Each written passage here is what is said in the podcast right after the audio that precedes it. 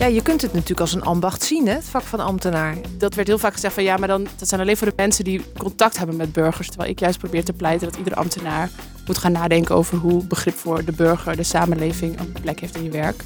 Als je heel erg bezig bent met de opdracht die wordt gegeven van hogeraf, dan geeft dat ook geen plezier. Maar juist, tenminste dat ervaar ik zo, de spanning opzoeken. Waar knelt het? Waar kan ik iets betekenis, van betekenis zijn?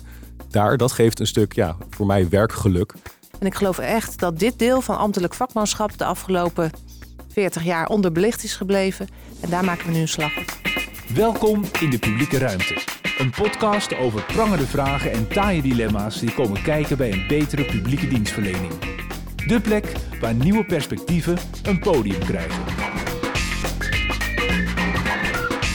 Welkom, welkom in de publieke ruimte. Nieuw seizoen waarin we met gasten gaan verkennen hoe de dienstverlening van de overheid beter kan. Welke stappen zijn gezet. Otto, ja, goed jou weer te zien. Wederzijds. Uh, wij zitten gelijk aan een hele grote tafel met allemaal mensen. Ja, dat is nieuw. Uh, in het vorige seizoen spraken we voornamelijk met mensen die direct betrokken waren bij een van de sporen van werk en uitvoering. En nu gaan we wat meer de verdieping in. Hè? Ja, we, we gaan eigenlijk uh, kijken of we samen met professionals die dagelijks met dit soort onderwerpen bezig zijn, de, de feiten boven tafel kunnen krijgen. Wat gaat er goed, wat kan beter? Ja. En we beginnen vandaag met een, een ik wou bijna zeggen, een ambachtelijk thema. Zeker. ja, daar wordt er gelachen. Ambtelijk vakmanschap. We spreken erover met Ellen Viergever. Zij is programmamanager van het project Ambtelijk Vakmanschap en Grensloos Samenwerken. Ellen, welkom.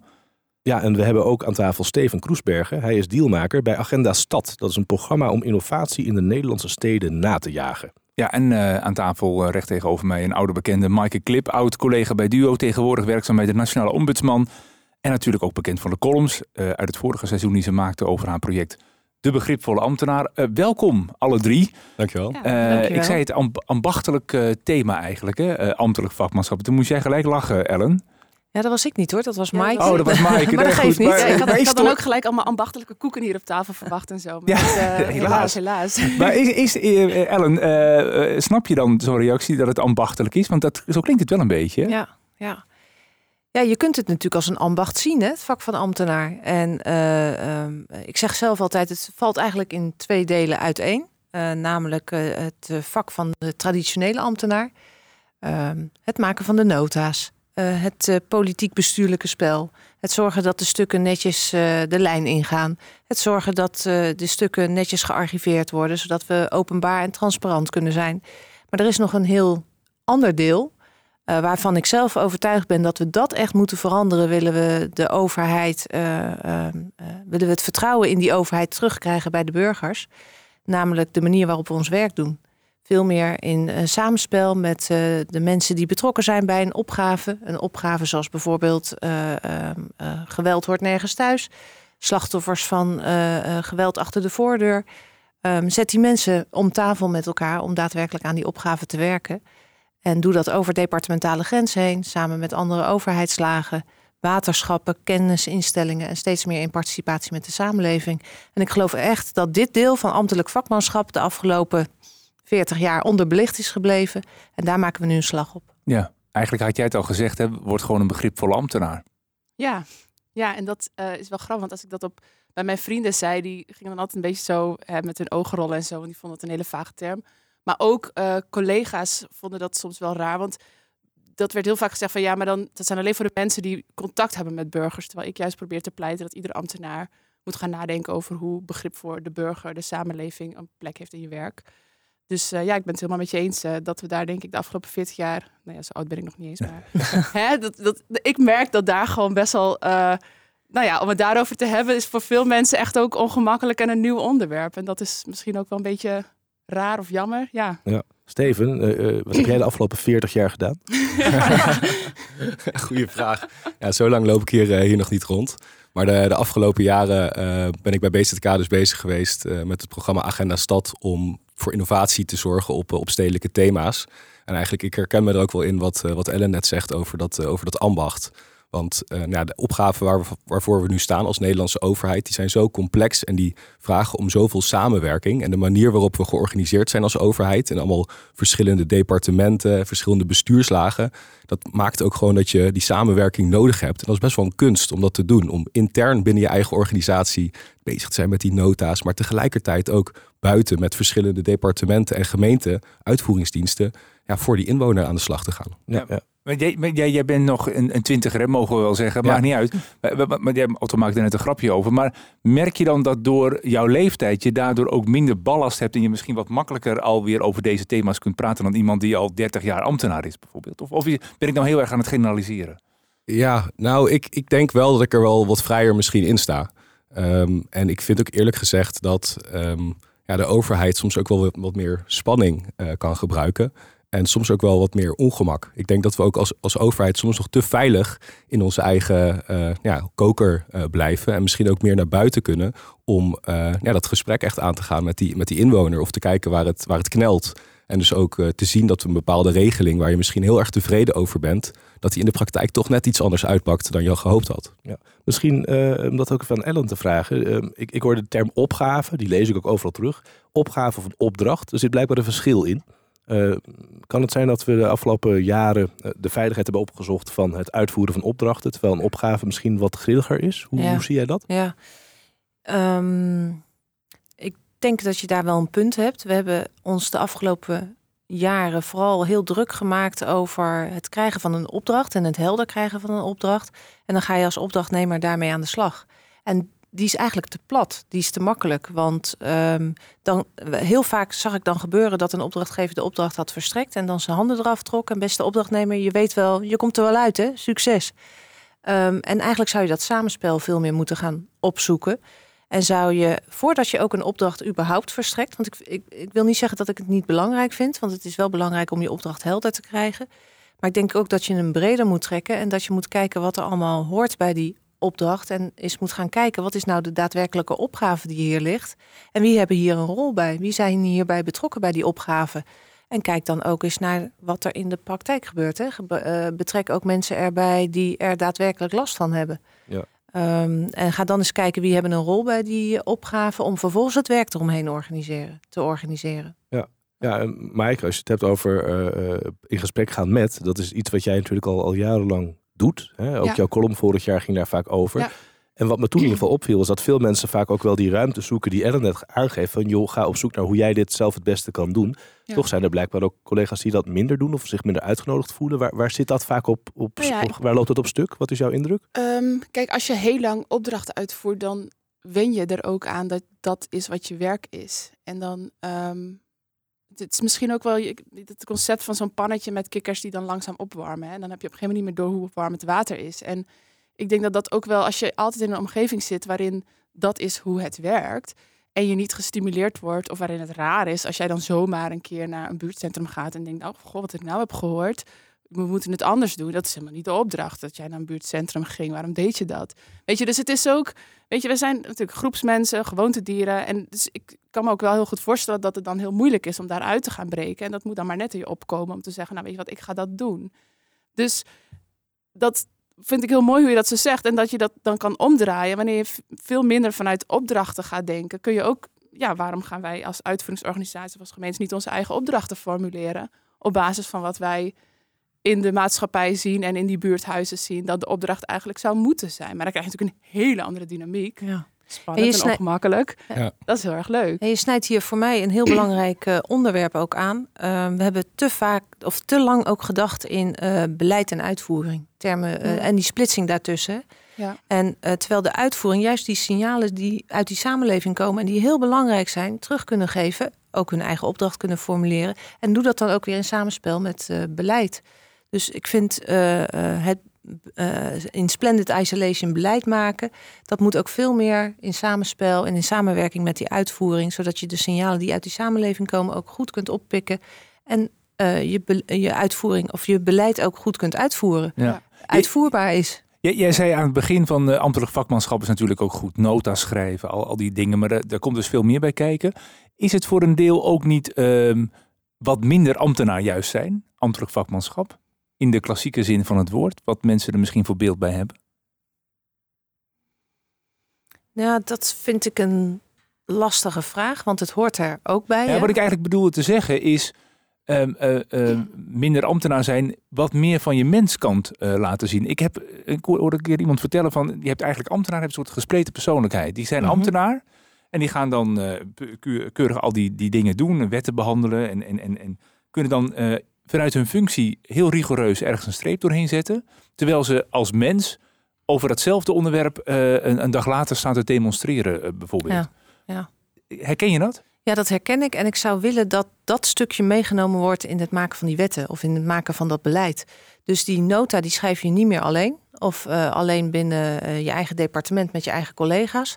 Maar voordat je iets op papier zet en die nota schrijft, heb je je verhouden tot de samenleving en tot de uitvoering en tot al misschien wel andere overheidslagen. Ja. Dus voordat je die nota schrijft, die schrijf je niet, die schrijf je vanuit verschillende perspectieven. En niet meer alleen vanuit je eigen perspectief. Nee, maar, maar hoe kan het nou dat ambtenaren dat in de algemene zin toch wat meer die menskant er doorheen moeilijker of moeilijk vinden om die menskant er doorheen te fietsen, de samenlevingkant zou ik maar zeggen. Ja, mooie vraag. Um, dat is ja, ik, ik, heb daar natuurlijk niet de, de ervaring voor bij de overheid, omdat. Uh, maar wat ik, wat ik wel zie is dat um, voor mij, als je vraagt wat, wat, is, wat betekent ambtelijk vakmanschap voor jou, dan zie ik dat als ook plezier hebben in je werk. En ook uh, waardering krijgen uh, en geven naar collega's toe. En ook weten dat je ertoe doet, dat je belangrijk bent en dat jouw rol ook betekenis heeft. Dus en volgens mij, um, als je heel erg bezig bent met de opdracht die wordt gegeven van hogeraf, dan geeft dat ook geen plezier. Maar juist, tenminste dat ervaar ik zo, de spanning opzoeken. Waar knelt het? Waar kan ik iets betekenis, van betekenis zijn? Daar, dat geeft een stuk, ja, voor mij werkgeluk. Uh, en dat, ja, dan vind ik het ook leuk om te werken voor de overheid. Ja, ja dat, dat betekent eigenlijk ook een beetje dat je dat keurslijf uh, een beetje kwijt probeert te raken. Hè? En ook het beeld wat Martijn net schetst van buitenaf, hoe een ambtenaar al dan niet uh, in elkaar steekt. Meer die ruimte, moet je ook, die ruimte moet je ook krijgen. Ja. Ja. Ja, ik zit als dealmaker. Ik ben een atypische ambtenaar. Uh, ik ben uh, ja, als, als dealmaker heb ik een wat vrijere rol om juist die verbinding te zoeken tussen die partijen en ook juist eigenlijk die partijen uit te dagen om beter bezig te zijn met bijvoorbeeld het realiseren van een gezonde voedselomgeving. maar wat Steven, leggen ze uit nog even, want mensen denken, ja, dealmaker hartstikke mooi. Ik denk gelijk aan de, aan de beurs, dealmaker. Ja. maar wat, wat, wat doe jij? Ja, misschien kan ik dat wel uitleggen aan de hand van het voorbeeld van die, van die voedselomgeving. Um, als je kijkt nu naar, naar Nederland, dan is uh, in 2040 is 60% van de volwassen bevolking heeft overgewicht. Dus dat is een gigantische uh, opgave die niet alleen bij het ministerie van, uh, van Volksgezondheid ligt. Want het ministerie van Landbouw die wil dat mensen minder dierlijke producten gaan eten. En dat we ook toegaan naar een duurzamere voedselvoorziening. Daarnaast heeft BZK daar ook wat uh, te vervullen op het gebied van de, van de ruimte om die uh, gezonder te maken. Want nou ja, we leven inmiddels in een obesogene omgeving. Want de fastfoodketens die, nou, die stijgen gestaag. We leven niet gezonder. wat ik dan doe als dealmaker is die partijen bij elkaar brengen waar het om gaat. Dus de verschillende departementen, geme gemeenten die hier koploper op willen zijn om te experimenteren voor een aantal jaar. En we organiseren dan commitment vanuit uh, de bewindspersonen en de bestuurders. Om ja, mensen zoals ik, maar ook de mensen die inhoudelijk hier uh, van wanten weten, om hen de ruimte te geven hier aan te werken. Ja. En dus, ja. dus, dus bij jou is het eigenlijk ingebakken dat je die ruimte zoekt. sterker nog, dat is deel van je, van je opgave, deel van je opdracht misschien zelfs. maar als ik, als ik Mike eens beluister, er zijn ook heel veel mensen die die ruimte misschien niet automatisch meekrijgen. Um, is het dan lastig als je hem niet zoals Steven vanzelfsprekend eigenlijk krijgt als onderdeel van je klus, om hem zelf te zoeken? Ja, ik denk soms wel. En ik denk ook niet dat dat altijd te verwijten is aan die ambtenaar zelf. Want nou, zoals wat jij beschrijft, is een hele verbindende rol. En ik denk dat je door die verbindende rol ook heel goed overzicht hebt van al die partijen en wie welk belang is. Maar als jij bijvoorbeeld aan, uh, nou ja, in het voorbeeld van mijn onderzoeksproject, uh, jij werkt aan een applicatie. Uh, dat is heel specialistisch werk. En dan ben jij heel erg bezig met dat stukje. Dan is het voor jou veel moeilijker, omdat het niet automatisch een deel van jouw werk is, om overzicht te hebben hoe dat stukje van die applicatie uitpakt in de wereld daarbuiten. Dus dan heb je ook andere mensen nodig die jou gaan helpen met dat overzicht en die jou de verhalen vertellen uh, of die jou meenemen een keertje naar buiten om uh, dat perspectief te krijgen. En als dat niet georganiseerd is in jouw organisatie, ja, dan kun jij dat wel, dan is dat heel erg lastig, weet je wel. Dan, moet dat, dan, dan vraag je ook wel heel veel van mensen hun mentale vermogens om zeg maar continu te gaan inleven in, ja, wie eigenlijk? Want dat weet ik eigenlijk helemaal niet. Dus weet je, je moet dat ook, uh, dat heb ik tenminste heel erg in mijn project gezien. Toen van, je kan het heel erg een individuele kwestie maken, dat mensen empathisch moeten zijn en dat ze de ruimte moeten pakken en... Uh, maar het, moet, het is ook een collectief. We zijn ook een ambtenaar, een apparaat met elkaar. En we, nou ja, zo. Dus, ja. Uh, ja. dus ik hoor je zeggen, voor een deel zit het in jezelf. En moet je op zoek gaan welke elementen uit je persoonlijkheid je kan betrekken in je ja, maar werk. je hebt ook hulp nodig. En voor een deel zit het in je teamsamenstelling en hoe je, je daar... organisatie, in welke verhalen er verteld worden in, in, op, de, op het werk waar jij werkt. En ook welke verhalen niet verteld worden, ja. Ja, nee, ik kan me voorstellen dat luisteraars die, die, die dit verhaal beluisteren nu zeggen van... ja, het komt wel erg veel op mijn bordje en ik moet blijkbaar eh, een soort halve mindfulness training gaan doen. moet ik nou ook nog elke week naar zo'n buurtcentrum exact, of met uh, om dit allemaal te kunnen. Maar te gaan maken. jij verbreedt hem eigenlijk gewoon naar een soort team waarin je zegt... oké, okay, uh, ja. niet iedereen hoeft daarin een soort 360 maar graden. Sterker nog, ik denk dat het heel mooi zou zijn als er veel meer banen zoals van Steven komen. Dat, dat is, ik weet niet of 30 jaar geleden de dealmaker, een ambtenaar dealmaker kon zijn. Dat is natuurlijk super tof. En je krijgt hopelijk veel meer van dit soort banen waarin uh, nou ja, de overheid kan anticiperen op uh, meer van dit soort vraagstukken en om beter met die opgaves om te gaan. De publieke ruimte, daar luister je naar. Vandaag hebben we het over uh, ambtelijk vakmanschap. We praten met Ellen Viergever, programmamanager van het uh, project Ambtelijk Vakmanschap en Grenzeloos Samenwerken. Steven Kroesbergen, dealmaker bij Agenda Stad. En uh, Maaike Klip, onder andere verantwoordelijk voor de blog Project De Begripvolle Ambtenaar. Ellen, ehm, jullie hebben bij het programma Ambtelijk Vakmanschap een gids opgesteld. waarin een aantal principes zijn beschreven die helpen om ambtelijk vakmanschap vorm te geven. Dat, dat, dat, dat zijn vaste waarden? Of, of wat, wat, betekent dat? Als je, als je die gids maar navolgt, dan ben je gelijk een, een uh, goed bezig? Uh, is dat, is dat zeven de, vinkjes? De, ja, zeven vinkjes. ja. Is, dat, is het de Bijbel voor het, het ambtelijk vakmanschap? practice what you preach. Hè? Dat is eigenlijk een beetje wat wij ook met de gids gedaan hebben. Want wij hebben hem niet opgesteld, maar onze collega's hebben hem opgesteld. Dus wij zijn in gesprek gegaan met heel veel ambtenaren. overal waar we langs zijn gekomen, hebben we met de gids gestrooid. Uh, we hebben hem op internet gezet. Hij staat ook echt open voor iedereen. Dus ook uh, burgers uh, kunnen naar de gids toe. En wij vragen eigenlijk continu naar feedback op die gids. En we vragen ook continu van, goh, klopt dit? Wil je er iets op toevoegen? Wil je er iets op wijzigen? Gebruik de gids voor als je gesprekken gaat voeren. En laat ons weten wat je ervan vindt. Dus het is een levend document, een wiki-achtig document... waarop iedereen kan wijzigen, toevoegen, het gesprek overvoeren... en ons daar ook over informeren. Um, en het is een gids met, ik dacht dat het zeven waarden zijn... Um, met zeven waarden waar die mensen eigenlijk belangrijk vinden in het vak van ambtenaar... Uh, die hebben we uitgeschreven. en ook uh, de gesprekken die we daarvoor gevoerd hebben voor gebruikt om duiding te geven aan het begrip ambtenaar. Dus wat we eigenlijk doen is ook heel veel gesprekken voeren over het vak van het zijn van ambtenaar. Daar gebruiken we de gids voor als referentie en ter inspiratie. Maar we gebruiken die gesprekken ook weer om die gids weer aan te vullen met dat wat we horen. En, en nou, laten we eens een paar van die waarden bij langslopen, Otto. Wat, wat, wat viel jou op? Uh, nou, de eerste die er staat is werken vanuit vertrouwen. Um, ja. Daar gaat het ook in de Kamerdebatten erg veel over. Het herstel van vertrouwen. Hè, vertrouwen van de overheid, vertrouwen in de overheid. Dus dat is toch wel een beetje het buzzword waar we op dit moment veel, uh, veel mee van doen hebben. En als ik dan kijk hoe jullie die nader hebben ingevuld, hè, op basis van die gesprekken die je net noemt, dan, dan gaat het over open zijn, inclusief zijn, integer zijn. En bij integriteit dan denk ik altijd aan die vreselijke gedragscodes die ik toegestuurd krijg als ik ergens een opdracht mag gaan doen. En dan moet ik allemaal in vijfvoud ondertekenen. Maar ik heb niet de indruk dat mijn handelen daardoor heel erg anders is geworden. Um, het hele aspect van integriteit. Nee, ja, misschien dat ik het al gewoon deed zoals het moest, dat weet ik ook niet. Maar um, hoe verhoudt zich nou zo'n gids dan tot dit soort codes. Uh, ja. Is, is dat hetzelfde of is het juist anders bedoeld? Nou ja, in die code staat dus inderdaad, er zit, dat is een normatief kader. Hè? Uh, wat doe je goed en wat doe je niet goed? Hè? Dus wat is goed en wat is fout? Dat staat er uh, in die code.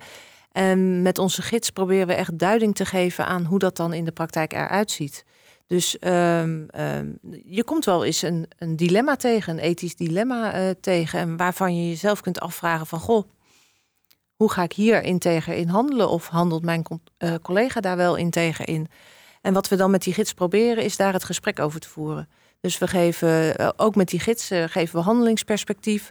Ehm, hoe voer ik nou met mijn collega of met mijn leidinggevende of met de samenleving, met burgers, het goede gesprek uh, en blijf ik integer handelen? Hoe doe ik dat op een goede manier? Ja, loyale tegenspraak is daar zo'n prachtig begrip tegenspraak, uh, ja. Ik vind het soms een beetje lastig, hè, tegenspraak. Ik heb het liever over loyaal uitspreken. Vind ik zelf mooier. Um, maar loyale tegenspraak is hier natuurlijk een heel belangrijk aspect in. Ook uh, wat Maaike zojuist vertelde over... ga nou eens op pad, ga naar die samenleving... of ga in, in gesprek met burgers... Um, probeer dat maar eens voor elkaar te krijgen als de minister jou een opdracht meegeeft. En hoe ga je dan ook in gesprek met die minister? Eh, en hoe durf je je dan loyaal uit te spreken? Met je leidinggevende ook weer. Nou, daar biedt deze gids hopelijk wat handvaten ja. uh, voor. Maaike, heb jij mensen tegengesproken? Durf je dat? Kon je dat? Mensen tegenspreken. Ja, maar weet je, ik denk dat tegenspreken, dat, dan hebben we natuurlijk het beeld in ons hoofd van, oh ja, dan ga jij feedback geven aan de minister of aan je baas. Dus oeh, spannend. Maar tegenspreken kan ook zijn, nou, ik moet nu gelijk een voorbeeld denken. Ik heb uh, in mijn vorige baan bij uh, Duo, uh, deed ik heel veel gebruikersonderzoek. Dus dan maken wij iets en dan ga je kijken van, oké, hoe werkt het uit in de praktijk? Dus dan ga je naar school toe bijvoorbeeld, om met medewerkers van een school of met studenten, nou, weet je, weet eens gebruiken, mag ik eens zien dan terugkomen is ook al tegenspreken. Hè? Van oké, ik heb feedback en het werkt niet. En dan krijg je soms te horen van ja, maar je zou alleen maar dit testen, alleen dit kleine stukje. Je komt nu met een heel verhaal, maar daar ga je helemaal niet over. Dus dat is ook al een gesprek. Maar tegenspreken vind ik ook al überhaupt maar ja, naar zo'n school toe gaan. En dan zegt je collega, ja, maar wat ga je allemaal laten zien dan? En wat ga je beloven? En nu maak je het ineens heel politiek. En dan kom je terug met verhaal over het leenstelsel. Ho eens even, dan mag je... Weet je, en dus dat is ook allemaal tegenspreken. Dus het is ook. Sorry, ik val je nee, in de reden. maar... Nee, nee, ik val jou in de reden. Nee, maar wat je zei over. Uh, daar, daar, sloeg ik even op aan. Dat je zei van. Daar ga je niet over. Ik denk dat ambtenaren ja. nog wel eens te horen krijgen van, van hun baasleidinggevende. Van hey, uh, allemaal hartstikke leuk, ga je niet over.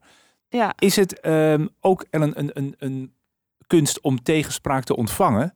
Dus uh, je kunt wel heel makkelijk zeggen: Sorry, ga je niet over volgende hokje en ik ga daar met iemand anders over praten. Hoe, hoe zou je daar als leidinggevende mee om kunnen gaan? Ja, nou, dat is helemaal waar. Uh, wij voeren veel gesprekken ook over loyale tegenspraak. En dan komt het telkens weer op wat doet die leidinggevende daar nu aan en hoe wordt die tegenspraak ontvangen. En uh, het hoeft maar één keer slecht ontvangen te worden en je doet het nooit meer bij wijze van spreken. Dus uh, leiderschap, open leiderschap is hierin zo belangrijk. Een leider die ook weet hoe die die tegenspraak moet ontvangen. Maar ook een leider die er eigenlijk moet in, in, in moet zitten als we doen dit met elkaar. En we doen dit niet. Uh, jij gaat er niet over. Ja, we gaan er, we gaan er met z'n allen over. Want we willen allemaal werken aan een beter Nederland. Um, en uit die discussie moeten we ook echt komen. ik denk ook omdat het niet altijd zo'n principiële discussie is, maar tegenspraak heeft gevolgen. Het kan betekenen dat jij je hele projectplanning moet omgooien, dat je meer budget nodig hebt. Het, is gedoe. en je moet er iets mee. En um, je, je, dat, dat is ingewikkeld. Ik heb en wel eens een leidinggever gehad, ik had het liever dat die zei van nou ik had liever gehad dat je dat even niet had gezegd. Nu moet ik er wat mee. Ja. Ja. ja. Ja. ja, dat is heel herkenbaar. Ja. Ja. ja, en ik geloof er echt in dat als we dit niet uh, durven doen, hè, dat we ook, dan blijven we altijd doen wat we altijd gedaan hebben en dan krijg je ook hetzelfde. En dan uh, verbeteren we de Rijksdienst daar niet mee. Dus je moet echt op een andere manier ons werk uh, inkleden, zodat dit veel meer gewoon wordt. En dat heeft enorm veel tijd nodig. En in het begin levert dat gedoe op. Maar op een gegeven moment gaan dit ook ingesleten patronen worden. En dan uh, geloof ik er echt in dat we dit met elkaar beter kunnen gaan doen. Want hebben jullie ook het gevoel dat dat te maken heeft met uh, de, de veilig, veilige omgeving van de overheid en de risicomijdendheid? Ja. Want dat, ja. ja. Ja, en ook dat je het dus niet tegenspraak moet noemen, want dan is het echt een ding. Terwijl je wilt eigenlijk in bijvoorbeeld een projectgroep of in, op een afdeling dat de leidinggevende of whatever gewoon het gesprek erover voert. En dan kun je uitspreken en dan kun je het onderzoeken. En dan is het helemaal geen tegenspraak, maar dan is het gewoon wat wij doen om een succesvol project te draaien. Ja, nee, precies, ja, die leidinggevende moet inderdaad die tegenspraak goed kunnen ontvangen. Die moet, kunnen, die moet hun medewerkers kunnen steunen en stutten daarin. En we moeten geen uh, uh, risico's vermijden, maar we moeten risico's insluiten. Ja, Steven, merk jij dat in die combinatie van partijen die jij dan spreekt als dealmaker, dat dat daar makkelijker gaat, omdat daar ja, de hiërarchische verhoudingen wat anders liggen? Um, nou, waar ik vooral tegen aanloop is dat, uh, omdat wij vanuit Agenda Stad met veel nieuwe thema's uh, werken, bijvoorbeeld uh, slimme steden, dat we dan bij partijen aankomen om te vertellen van jullie hebben hier een rol te vervullen. Maar ja, die departementen bijvoorbeeld, herkennen zich er dan niet in en zeggen van ja, dat is eigenlijk niet, niet een onderwerp voor ons. Dus dan moeten wij ook ja, organiseren dat eigenlijk de, de plek waar het wringt, dus dat is dan vaak in de stad, dat we daar dan een spotlight op zetten en dat, dat geluid naar boven brengen. En dat eigenlijk dus die tegenspraak van onderop organiseren. Om dus ook door te dringen door al die systemen heen. Om te laten zien. Dat ze er wel van zijn. Die, hebben nog een rol te vervullen, ja. Aan het werk. maar ja, dat is, dat is knap lastig.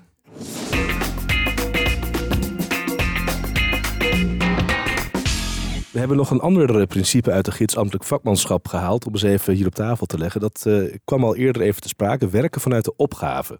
Het is echt ook zo'n term waar je volgens mij elk, elk rapport wat je tegenwoordig pakt, heeft minimaal als ondertitel iets met opgavegericht werken, werken vanuit de bedoeling. alsof we dat in het verleden nog nooit gedaan zouden hebben.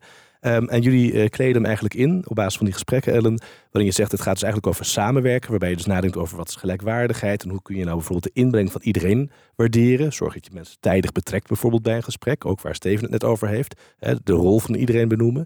Maar het gaat over dat mensgerichte aspect. En uh, de recente discussies, onder meer naar aanleiding van het rapport van de Tijdelijke Commissie Uitvoering, ging ook heel veel in de Kamer. Hè. Veel politici hebben de mond vol over mensgericht als, als kernwaarde, als publieke waarde. Hè, dus dat de mens boven regels gaat en dat we maatwerk moeten leveren. Dat is eigenlijk dan de aanpak die hieruit volgt, is in, in alle gevallen maatwerk. Um, ik ben inmiddels redelijk het, het, spoor bijster als het gaat over wat maatwerk nog is. Want blijkbaar is alles nu tegenwoordig maatwerk. Uh, vergis ik mij hier nou in of, of hoe, hoe moet ik hier naar kijken? Wie, wie kan me eens helpen hiermee? En toen bleef het stil. ja, ik denk, ik, ik deel jou. Uh, ik vind maatwerk ook echt een enorme buswoord. En ik krijg ook steeds meer jeuk als ik erover hoor. Want uh, iedereen maar nu gewoon op maatwerk gaan helpen, dat is natuurlijk helemaal niet de oplossing. Sterker nog, ik denk dat je juist vanuit die praktijksituaties je standaarden weer veel beter zou kunnen maken. En dan heb je ook weer minder uh, mensen die in de knoei komen. Dus, dus maatwerk. nou ja, maar goed, weet je, zo'n pendule gaat natuurlijk heen en weer. Maar ook überhaupt, wat is maatwerk? Iedereen begint daar ook, dat, dat gaat ook helemaal een eigen leven leiden.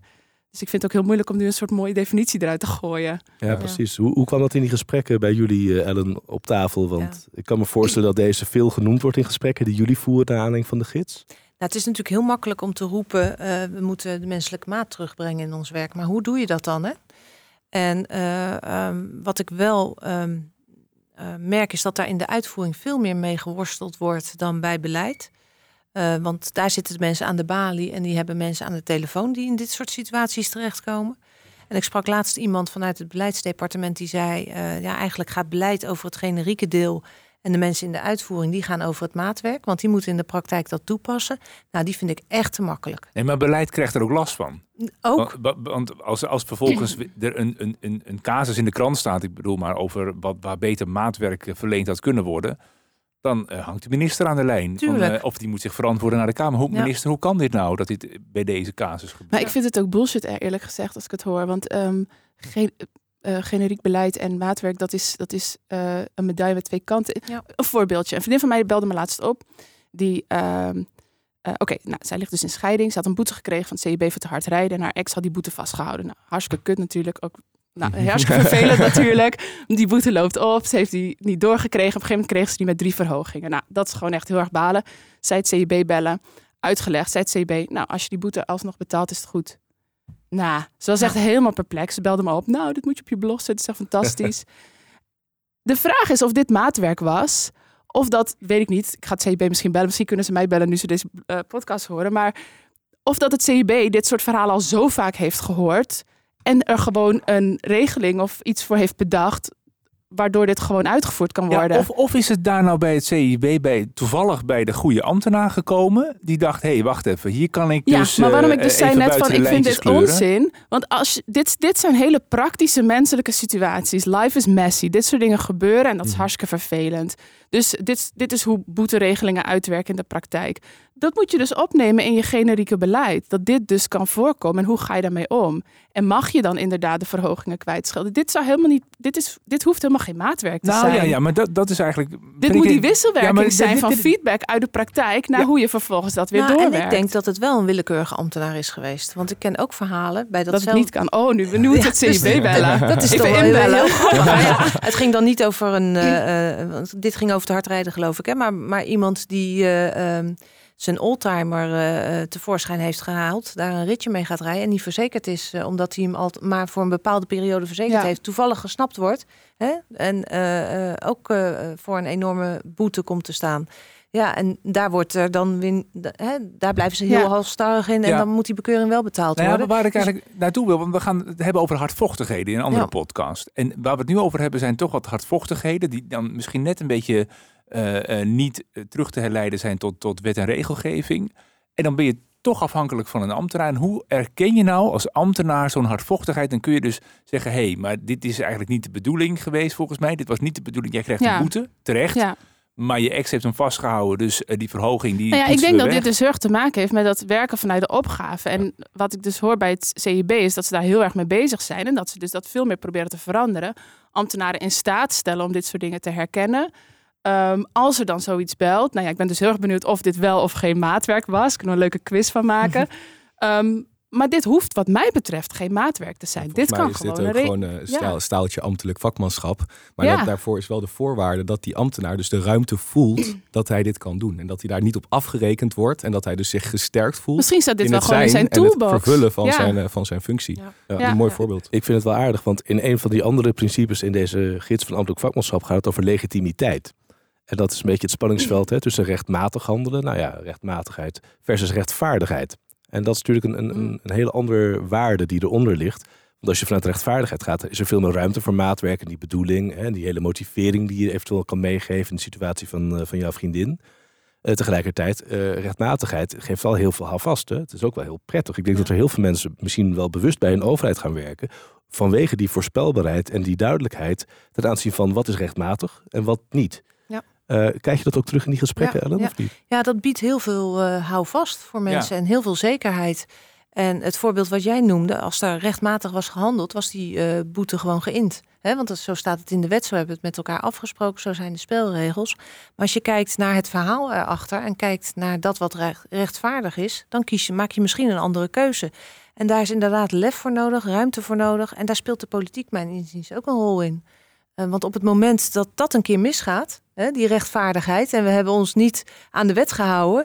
En uh, uh, daar komen massaal voorbeelden naar boven. Ja, dan wordt het ook cruciaal, ook voor het vak van ambtenaar en voor de veiligheid van de hmm. ambtenaren, hoe de politiek daarop gaat reageren. Ik vind het wel interessant wat je zegt, want het is, het is geen valse tegenstelling. Hè? Want ook in die uh, rechtmatigheid, daar zit de redelijkheid en billijkheid zit daarin. Dus daar is, zit ook in dat je niet disproportioneel gaat handelen als ambtenaar. Maar het is ook lastig soms voor een ambtenaar om het hele uh, uh, verhaal achter zo'n zo'n boete uh, te zien. Want die ziet van, hé, hey, deze persoon die heeft ja. een boete gereden en drie keer niet betaald. Nou, die gaan we eens even flink, flink straffen. Dus om, om dan die telefoon te pakken nou ja, of niet eens andere systemen straffen, te kijken. Dat gaat waarschijnlijk ook gewoon geautomatiseerd. Er is er helemaal niemand die daar een gedachte over heeft. De computer poept die verhoging gewoon uit. Maar dat is waarom je dat ook zo moet organiseren in je organisatie. Dat als die feedback er komt, dat je dan dit of dit of dit kan doen en dat dat mag om die en die reden, want zo hebben we dat voorbereid. En dat is wat mij betreft die professionele ruimte. Niet gewoon dat jij vanuit jouw leuke persoon begripvol kan zijn. Begripvol is eigenlijk een soort heel blauw, procesmatig iets zou het kunnen zijn. Maar wat Ellen zegt, dat, dat is natuurlijk wel een punt. daar zit wel weer die beweging in. Aan de ene kant willen we soms als maatschappij dat we heel strikte regels volgen, streng straffen en uh, geen enkel licht tussen regels en uitvoering. En nu willen we juist weer dat licht wel zien. Ja, die ambtenaar die dus al 20, 30 jaar werkt, die, die denkt van waar moet ik nu naartoe? Die, die is totaal de weg kwijt dan. Ja, nou ja, dat zal zeker voor uh, ambtenaren gelden. Dat geloof ik ook wel, ja. Daar komt nog iets bij, juist... hè, Ellen, want dat principe van verantwoording, waar jullie het ook over hebben, eh, alles moet navolgbaar zijn. Dus we moeten het netjes archiveren, elk stapje is vastgelegd. We kunnen uitleggen als we hebben afgeweken, waarom we hebben afgeweken. Nou, in de kader van maatwerk moeten we misschien veel vaker gaan afwijken dan we vroeger deden. Er gaan nogal wat, wat, wat knelpunten, brieven en afwijkingen straks ook richting uh, rapportagelijnen op die manier, of, of niet? Nou ja, kijk, er is ook een hele lijn gestart met het openbaar maken en verantwoorden van uh, je documenten dat biedt voor, wat mij betreft ook wel kansen. Want daarin kun je wel heel helder en transparant uitleggen waarom je die bepaalde keuze gemaakt hebt. En dat helpt je ook weer om weer terug te koppelen en te kijken naar wat helpt dat ons beleid. Hè? Moeten we ons beleid daar weer op aanpassen? Dus die openbaarheid en transparantie, dat is best ingewikkeld. En voor sommige mensen best spannend. Uh, daar zijn ook nu een aantal spelregels rondom afgesproken. Ehm, maar hij, kan, hij biedt ook kansen doordat je kunt uitleggen waarom je gedaan hebt wat je hebt gedaan. Kon je eigenlijk zeggen, die, het is niet een eindstation. Hè? Aan het einde van het proces verantwoorden we nog even hoe het zat. En dan een punt erachter. Het is veel meer weer een beginpunt om die cyclus van het beleid, verbetering, wetgeving aan te passen, Zeker. te benutten. Ik zag uh, Maaike net al uh, heel druk ja. hand opsteken van nou, hier moet ik wat van vinden. Ik, Ga je gang. ja, want ik zat net te denken. We hebben nog steeds wel het klassieke beeld van een ambtenaar die... Uh, hè, met, uh, met een koffertje met een broodbakje erin naar zijn werk fietst en daar allemaal beslissingen maakt. En dat jij dan op je aanvraag een soort stempel krijgt of nou, weet je, we verhogen het.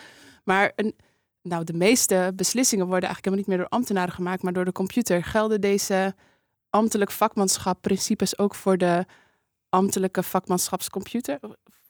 Ja, dus het is altijd een ambtenaar die die gegevens invoert. Hè? En het is altijd een ambtenaar die uh, bepaalt hoe die algoritmes eruit komen. Dus zeker. Ja. Steven, jij stak ook je vinger op. Ja, dat, dat ging niet zozeer over die computer. Want ik werk, ik werk vooral veel met mensen samen. Maar ik wil even inhaken op, op het punt wat jij bracht over die ambtenaar die misschien mogelijk in een identiteitscrisis komt. Ja, ik kan ze sowieso denk ik gewoon aanraden om deze podcast uh, te luisteren terwijl je gewoon buiten een, een rondje loopt.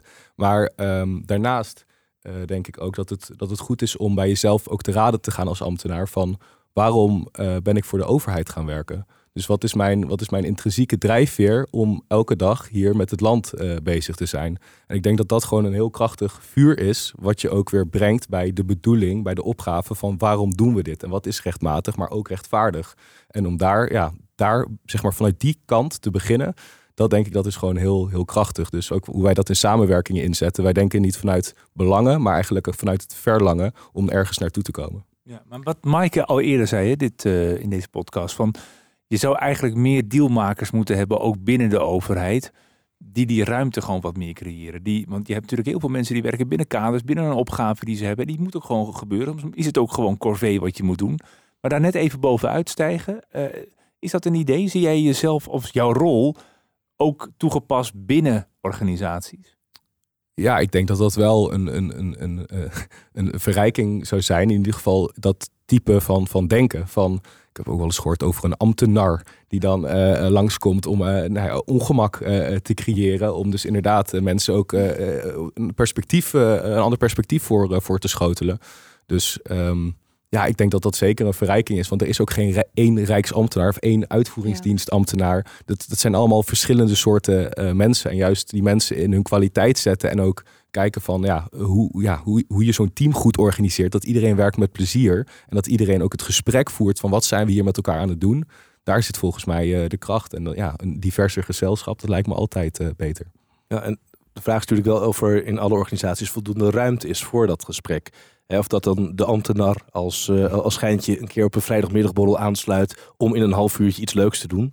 Ja. het is een beetje de, de op het congres waar je mag klappen. Hoe, je, hoe, hij dat ook zo zegt ja. met een ambtenaar. Maar ook, je hebt nu een paar keer gezegd, je moet er ook plezier in hebben. En, en um, als ik kijk hoe ik ooit bij Duo begonnen ben, dat was op een afdeling waar het gewoon echt ontzettend gezellig was. En dat was ook echt gewoon super leuk. En we gingen op donderdag nog even een biertje drinken. En weet je, als we naar school gingen, dan was het ook echt gewoon leuk. En iedereen wilde mee. En als ik iets geks bedacht om studenten de kantine in te trokken, vond iedereen dat ook echt vet leuk.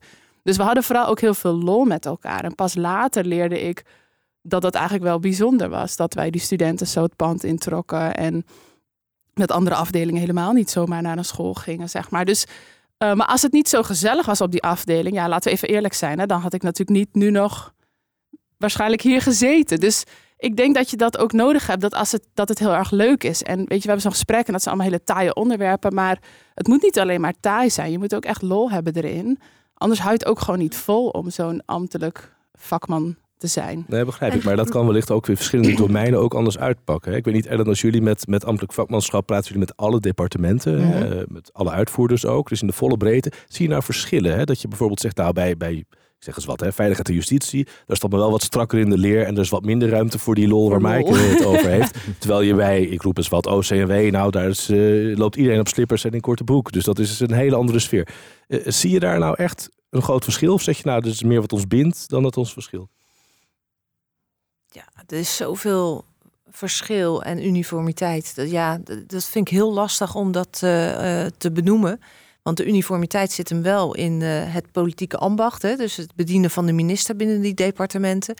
En het verschil zit hem wel in het vakgebied. De juristen bij VNJ, dat is echt wel inderdaad wat anders dan de mensen die bij sociale zaken werken of bij uh, OCMW. En financiën is weer een ander volk, zeg maar. Dus daar zit wel verschil in. Maar wat, ze, wat, wat denk ik ook wel het gedeelde, het, het meest gedeeld is, is dat mensen echt wel met passie en met bevlogenheid in hun vak zitten.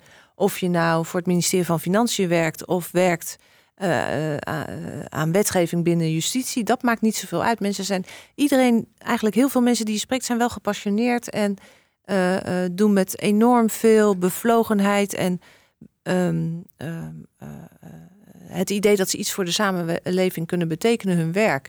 En door daarop aan te haken, op die passie, die bevlogenheid en het werken voor die samenleving, geloof ik echt dat we, als we daarop aanhaken en die andere werkwijze weten te stimuleren, dat we daar dan echt wel stapjes op kunnen zetten. En ik was nog even benieuwd naar Maaike. Mag ik een vraag stellen? Zeker. Want uh, uh, je vertelde hoe je je loopbaan was begonnen. Hè? Dat je mhm. allerlei gekke dingen organiseerde op verzon. Doe je dat nog steeds? ja, ja. ja, op zich wel. Um, nou, dat is zo grappig dat je het zegt. Want ja, maar ik merk wel dat het. Dat, het, um, dat ik wel ben gaan kijken van hoe kan je dat. Ja, misschien wat, wat constructiever doen of wat meer, wat meer, dat het ook wat meer impact. Kijk, waar het ooit begon was uh, ook heel erg experimenterend, uitproberend. En op een gegeven moment zag ik van, hé, hey, ik heb hier iets te pakken wat echt nou, nieuw is, fris is, waar mensen ook wel behoefte aan hebben, maar wat ze ook ongemakkelijk vinden en raar. En nou, dan wordt het steeds groter. Maar dan, dan ga je ook. Hm, leuk dat je dit vraagt, want ik werk nu ook acht jaar bij de overheid. Dus je wordt je ook bewuster van die grenzen en die weerstand. En daarmee raak je denk ik wel iets van die originele gekkigheid kwijt omdat je er zo bewust van bent dat je daarmee te dealen hebt. Dus dan ga je het misschien soms ook wel een beetje overdenken. Nou ja, we hebben het eerder volgens mij. Het is wel minder spontaan geworden. ik, weet niet of we het hier hebben benoemd, maar de ambtelijke jas. Hè? Uh, uh, soms zeggen mensen: wat doe die ambtelijke jas nou eens uit? Eigenlijk begin jij zonder jas. Een, jas, te, ik ben, een jas begint te groeien om mij heen. En die jas, die begint, je gaat steeds, die jas, nou, hij gaat niet knellen, maar je gaat hem steeds min, je gaat hem steeds bewuster dragen. Uh, terwijl je eigenlijk een keer zou weer moeten zeggen: van waar is nou die Maaike van acht jaar geleden? En, nee, maar is, is het wordt ineens mijn identiteitscrisis. nee, maar dat is wel precies het punt wat we denk ik raken. Dat we zitten inmiddels in zo'n keurslijf dat we ons allemaal op die manier gaan gedragen. We gaan ons gedragen naar dat wat de norm is of naar dat wat gewoon is. En ik kan me nog herinneren, ik ben iets ouder dan jullie, dat we uh, uh, toen, ik, toen ik net begon, dat is inmiddels 30 jaar geleden, dat we ambtenaren hadden. Toen werkte ik bij een gemeente, maar hier ken, ken ik ze ook nog wel bij Binnenlandse Zaken. Die die zagen er ook heel anders uit. Excentriek, uh, met uh, flamboyante kleding. Uh, en ik wil niet zeggen dat dat nu moet hoor. Die hadden een ladeblok waarin flessen drank eruit kwamen. En dat werd soms af en toe op tafel gezet. En die hadden ook de meest wilde ideeën. En ik heb ergens het gevoel, en ik hoef niet terug naar die tijd, maar ik heb ergens het gevoel dat dat toen nog wel wat normaler was. En dat we gaandeweg steeds meer regels, gedragscodes uh, met elkaar afgesproken hebben naar dit is hoe we werken met elkaar, dit is hoe we het doen. Maar hoe, Ellen, hoe, hoe krijg jij nou die Ellen van, uh, nou laten we zeggen, twintig jaar geleden dan weer terug? Ja, door, als je, dat is het voordeel van ouder worden, dat je je er steeds minder van aantrekt. en door de, gewoon je eigen ding te blijven doen. Um, en dat is ook het voordeel van wat ouder worden, dat je steeds meer geëquipeerd wordt met hoe voer ik nou dit soort gesprekken? Hoe krijg ik nou dit soort gesprekken op tafel? En hoe stel ik me er zelf voor open en kwetsbaar? Dus ja, ik voel me soms ook af en toe gekke Henkie. Ik roep dit maar overal en ik voer dit soort gesprekken maar en ik probeer het op tafel te krijgen. Ja, we gaan naar een afronding. Uh, want dit is wel heel erg leuk om de hele tijd over je werk te praten, hoe het beter kan. Uh, maar dit zijn eigenlijk precies de gesprekken die mensen ook vooral op het werk, uh, in de kroeg, waar dan ook, met elkaar moeten gaan voeren uh, over uh, ambtelijk vakmanschap. Ik, ik, bedacht me nog wel, we hebben nu hierover gesproken. Zijn we nou niet op zoek naar een soort ambtelijke superman-vrouw, Steven? Is het überhaupt allemaal wel haalbaar wat we net hebben genoemd, om dat allemaal bij jezelf voor elkaar te krijgen. Het is, eh, het is zeker haalbaar. En ik denk, uh, en dat is misschien ook een oproep aan iedereen die luistert, om die, uh, die ambtelijke supervrouw of superman in jezelf naar boven te halen. En vooral ook dit gesprek met je, met je team aan te gaan van, van hoe jij en met je team van betekenis kan zijn voor de overheid. Want dat is volgens mij waar iedereen zo bevlogen op is en passie voor heeft, zoals Ellen mooi beschreef. Ja. En tegelijkertijd, als ik Mike ook hoorde net over haar ervaring van, ik was toch altijd wel vanaf de buitenkant een soort hè, klein initiatief aan nemen om iedereen een spiegel voor te houden. Um, hoe zorgen we ervoor dat dat gesprek niet een eenmalig feestje wordt? Hè? Het, het vinklijstje van nou, we hebben in 2022 ook een keer een gesprek gevoerd over ambtelijk vakmanschap. Dus nou, daar kunnen we weer vanaf. Hè? Dat kan weer denk de je dat in. dat kan? Als ik kijk wat er nu allemaal in de samenleving gebeurd is, hoe iedereen losgaat op Twitter over hoe slecht. Denk je dat dat überhaupt nog kan voor ambtenaren? Dat we ooit weer gaan slapen? Nou, ik, ik zou me er buitengewoon ongemakkelijk bij voelen als dat gebeurt. Ik denk dat, ik denk dat de burger dat niet gaat uh, pikken. Als wij nu zeggen van we gaan het een jaar voeren en dan gaan we weer dan ja. klappen we de laptop weer open en dan gaan we weer typen of zo. Ik denk niet dat dat, dat kan. Nee.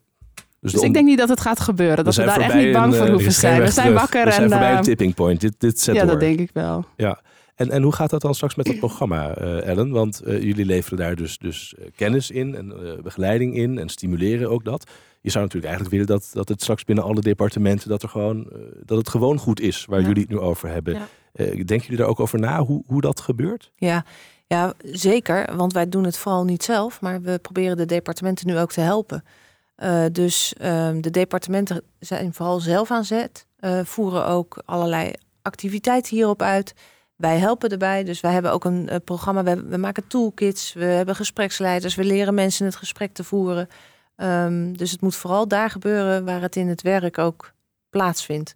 Uh, we sluiten ook aan in de praktijk. Uh, dus dat betekent dat we ook helpen in opgaven. Daar waar de samenwerking niet zo lekker loopt, kunnen we interventies doen. We kunnen vliegen aan de muur zijn. Nou ja, we proberen op alle mogelijke manieren te helpen, te steunen en te stutten.